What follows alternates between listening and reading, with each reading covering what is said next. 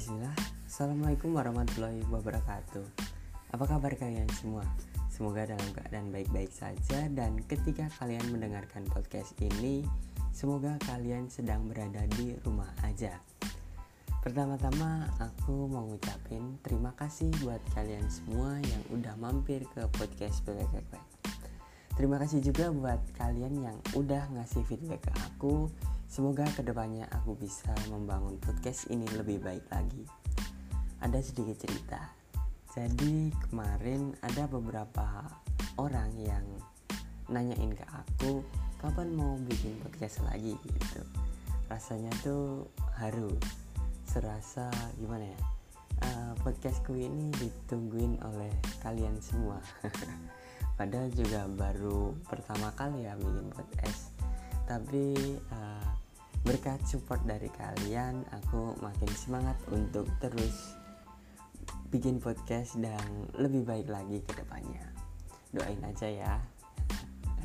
Amin.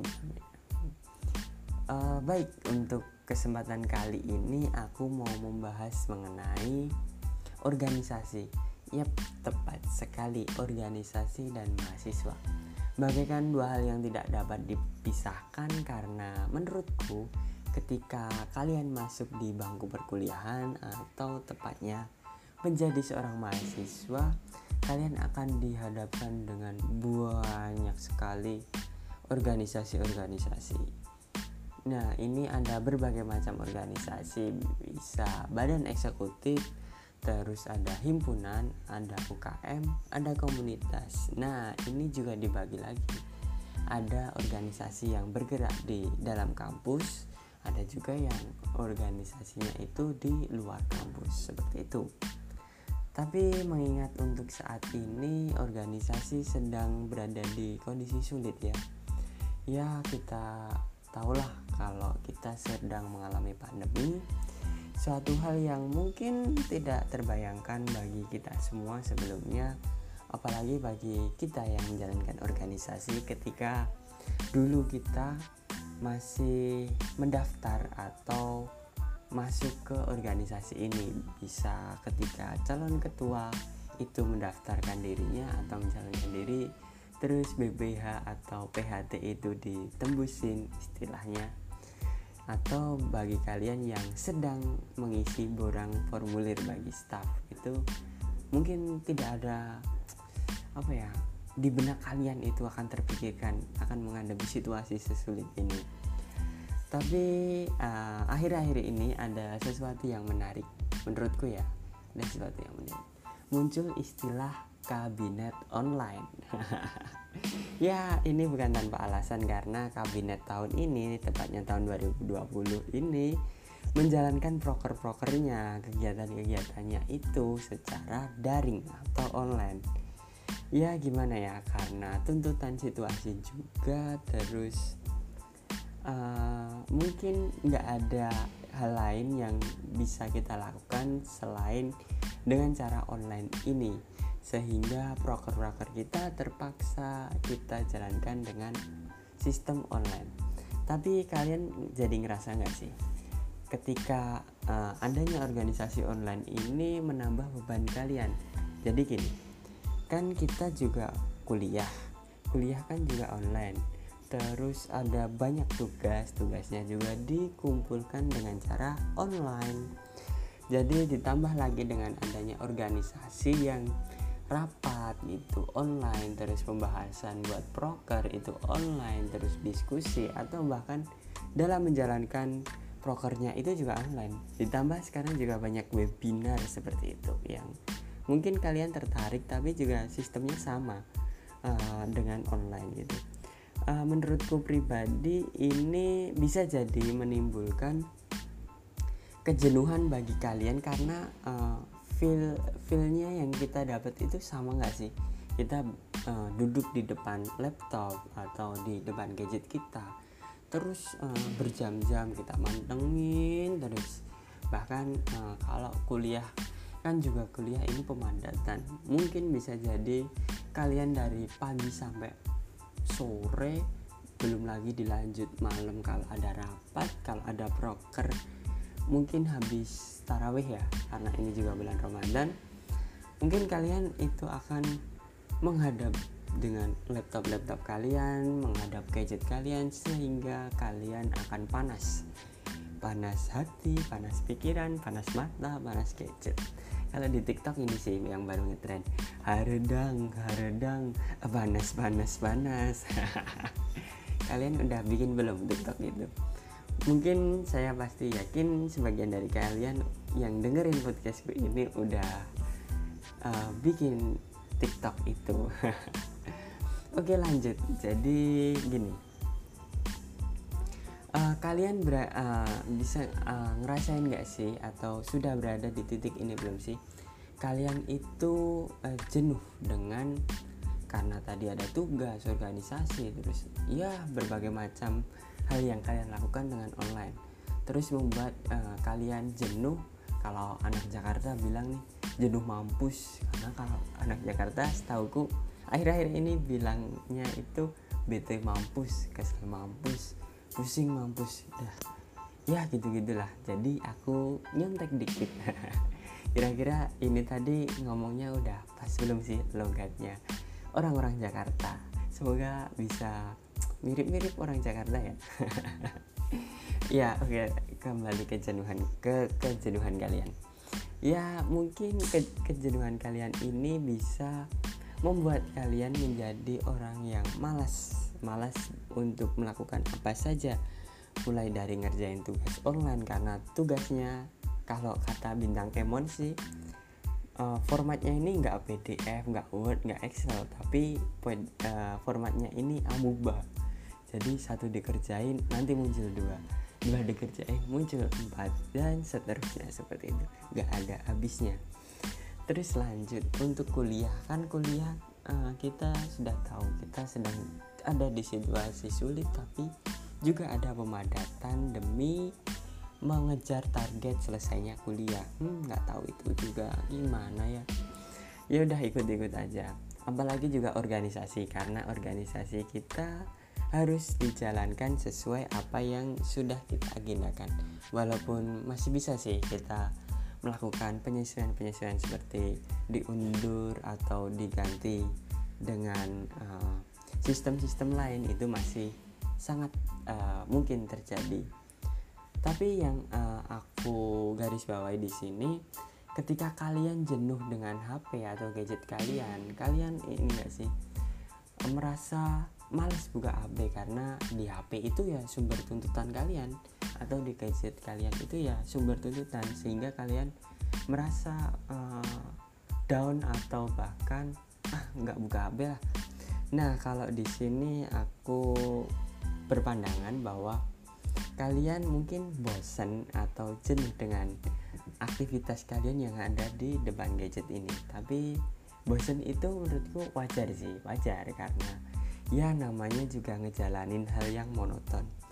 Tapi kalau di hubungan antar apa ya hubungan asmara iya ada istilah ketika kalian bosan itu bilang jangan ngilang. Itu juga bisa diterapkan di organisasi menurutku pribadi loh. Menurutku pribadi karena gini uh, kita itu bukan hanya staff bukan hanya PHT atau BPH tapi juga semuanya bahkan bisa ke CEO atau ketua-ketua di berbagai macam organisasi banyak yang baru kali ini emang kali ini baru ada pandemi ya mengalami kebosanan atau kejenuhan atau kondisi yang sulit mungkin juga pusing ada faktor eksternalnya dan membutuhkan me time atau uh, waktu untuk menyendiri mungkin untuk beristirahat sejenak dari uh, aktivitas yang melelahkan ini. Sebenarnya kalau dianggap melelahkan juga nggak juga sih karena kita harus kerja dengan cerdas ikhlas tapi juga tetap kerja keras seperti itu. Jadi uh, aku mau memunculkan istilah ya sama sih kayak tadi. Kalau bosen itu bilang jangan hilang bagi organisasi. Jadi buat kalian yang mungkin merasa butuh me time atau butuh apa ya waktu untuk sendiri itu bisa banget untuk bilang ke partner-partner kalian untuk ke mas mbak yang menjadi kadif atau menteri atau manajer kalian bahwa mas mbak uh, aku sepertinya butuh waktu untuk sendiri dulu karena jenuh biar refresh lagi. Itu menurutku hal yang wajar dan mungkin akan diberikan waktu dan kalian juga harus ini sih menyesuaikan dengan jadwal kuliah kalian agar satu hari mungkin ya cukup untuk kalian beristirahat dari kemonotonan atau kejenuhan yang kalian alami. Sehingga setelah kalian beristirahat sejenak kalian akan refresh lagi dan bisa hmm, apa ya lebih produktif lagi ke depannya. Amin seperti itu. Kemudian di sini uh, kan juga banyak ya yang ngeluh karena kenapa sih ketika aku jabat atau ketika pandemi ini terjadi harus di, po di posisi ketika aku jadi ketuanya atau aku jadi CEO atau aku jadi menteri kadif. Nah semua bilang gitu. Bahkan ada staff pun yang bilang bukan maksud apa apa mungkin ya ini ya anggapan semata. Yang bilang kenapa sih pas jadi staff atau pas organisasi malah ada pandemi?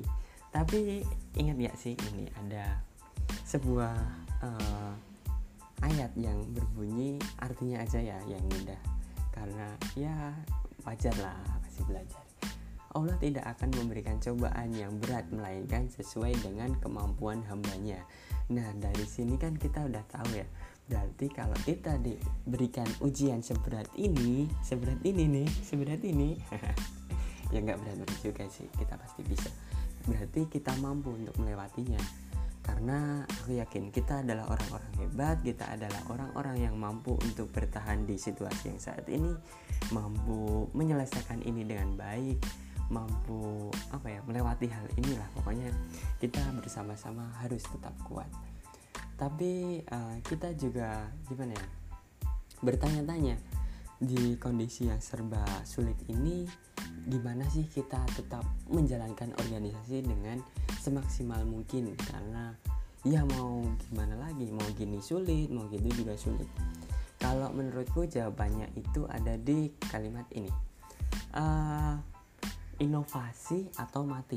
Jadi kalau diterjemahkan yang lainnya agar tetap hidup maka inovasi itu harga mati. Karena kita itu uh, dari seseorang yang uh, aku tanya kemarin bilang gini kita itu terjebak di zona nyaman di mana kita menjalankan organisasi atau pekerjaan kita itu secara tatap muka secara konvensional. Tapi ketika kita dihadapkan di uh, situasi yang menuntut kita untuk tidak saling tatap muka atau bertemu secara langsung kita mengalami keterkejutan. Ya emang gitu karena uh, belum apa ya belum terbiasa atau ini sebuah hal yang baru memang baru maka dari itu kita harus memanfaatkan teknologi yang ada.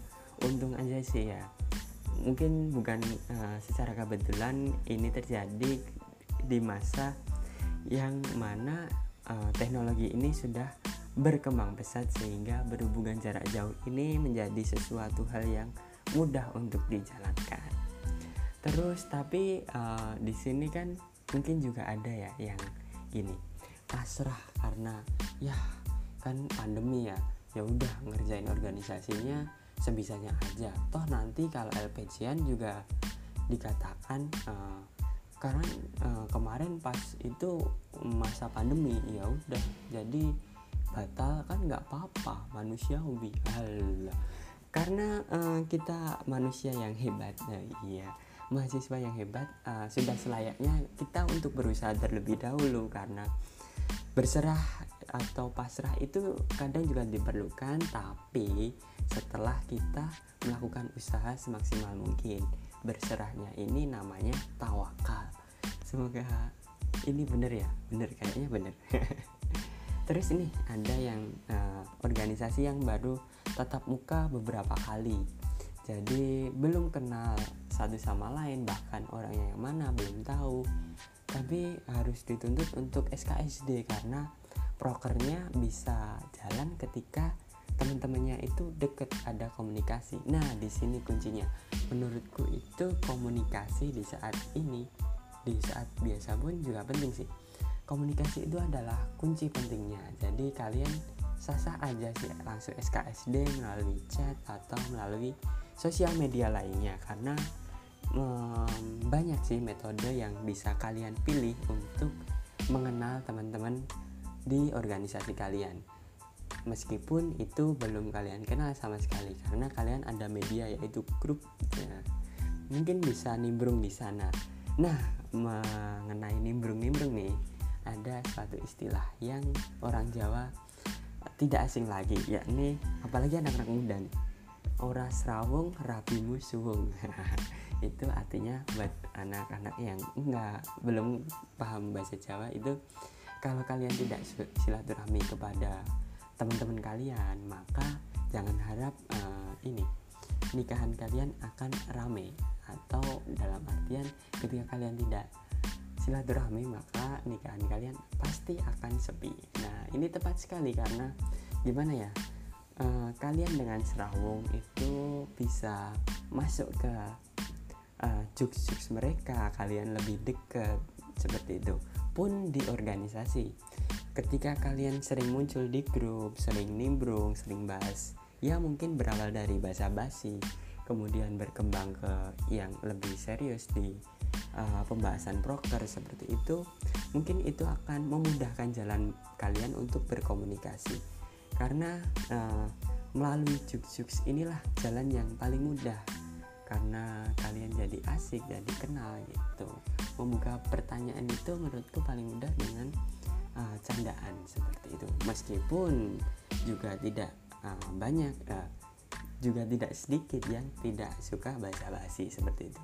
Jadi kalian pinter-pinter uh, untuk mengetahui teman kalian. Walaupun melalui uh, media jadi nggak secara langsung kalian harus kenal teman-teman kalian. Seperti itu jadi uh, istilah tadi aku ambil aku uh, mau implementasikan ke organisasi. Tepatnya nih di uh, Oras Rawong prokermu bakal suwung ini uh, relate sih menurutku karena walaupun sih kemarin uh, walaupun aku udah serawung udah sana sini tetap aja brokerku sepi sedih banget. Berapa orang yang datang?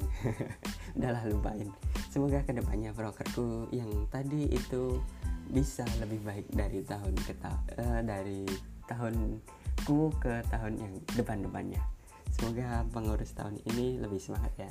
Semangat buat prokerku tahun lalu. Jadi uh, ini benar sekali sih. Ketika uh, kalian uh, sering uh, muncul di proker-proker teman-teman kalian atau proker divisi lain atau departemen atau kementerian lain maka kalian akan di notice wah ini anak uh, sering muncul sering bantuin aku sering bantuin ini kerjaan ngeramein. Maka nanti mungkin uh, secara tidak langsung walaupun mungkin awalnya untuk balas budi tapi ke depannya akan uh, masih ada dampak baiknya karena itu akan memunculkan kerjasama di antara kalian karena kalian udah deket udah kenal terus menjalankan broker ini lebih mudah. Seperti itu ya nggak sih?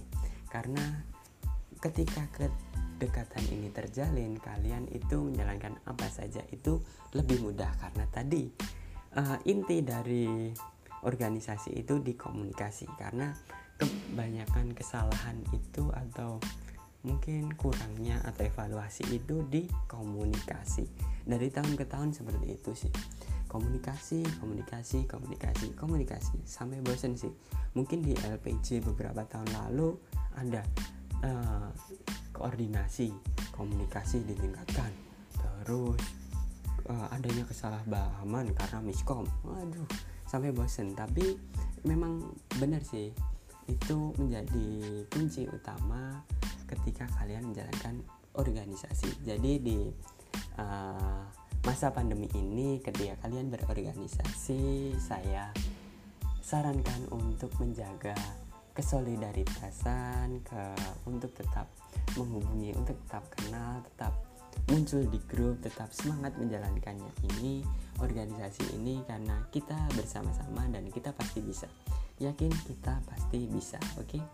kita pasti bisa kita pasti bisa melawan corona kita pasti bisa menjadi kabinet online yang gak sekedar menjalankan prokernya melalui online dan uh, apa ya sekedar untuk mengisi LPG tapi bukan hanya itu kita tetap menjalankannya dengan maksimal kita tetap uh, apa ya memperjuangkan apa yang udah kita mulai dulu di mana idealisme kita ada di mana semangat kita membangun organisasi ini ada membangun kepanitiaan ini ada sehingga walaupun online pun sebisa mungkin kita harus berinovasi untuk menjalankan broker ini tetap sukses tetap pecah tetap wow gitu. Dengan cara ya mungkin balik ke kalian sendiri ya mungkin itu yang bisa aku sampaikan. Tetap semangat tetap jalin komunikasi dengan baik dengan siapa pun itu terutama dengan partner uh, kalian partner kerja kalian karena ya jangan diem-dieman pokoknya seperti itu. Mungkin cukup sekian. Jangan lupa senyum jangan lupa bercanda tapi hati-hati. Ntar jatuh cinta Aduh, semoga kalian tidak bosan-bosannya mendengarkan suaraku ini, mendengarkan celotehku ini. Jika kalian tidak sengaja mampir atau kalian sudah pernah mendengarkan podcastku yang lalu, jangan lupa untuk terus dibagikan ke teman-teman kalian untuk podcast kali ini mungkin bisa dibagikan ke teman-teman kalian yang organisasi mungkin yang mereka lagi down bisa dibagikan ini barangkali bisa membangkitkan semangat mereka bisa uh, terus memacu mereka untuk lebih baik lagi dari hari ke hari sehingga mereka akan menemukan peak perform atau performa maksimal mereka. Udah sekian. Uh, terima kasih yang udah mendengarkan. Kalian jaga kesehatan ya. Terima kasih. Salam wek wek dan wassalamualaikum warahmatullahi wabarakatuh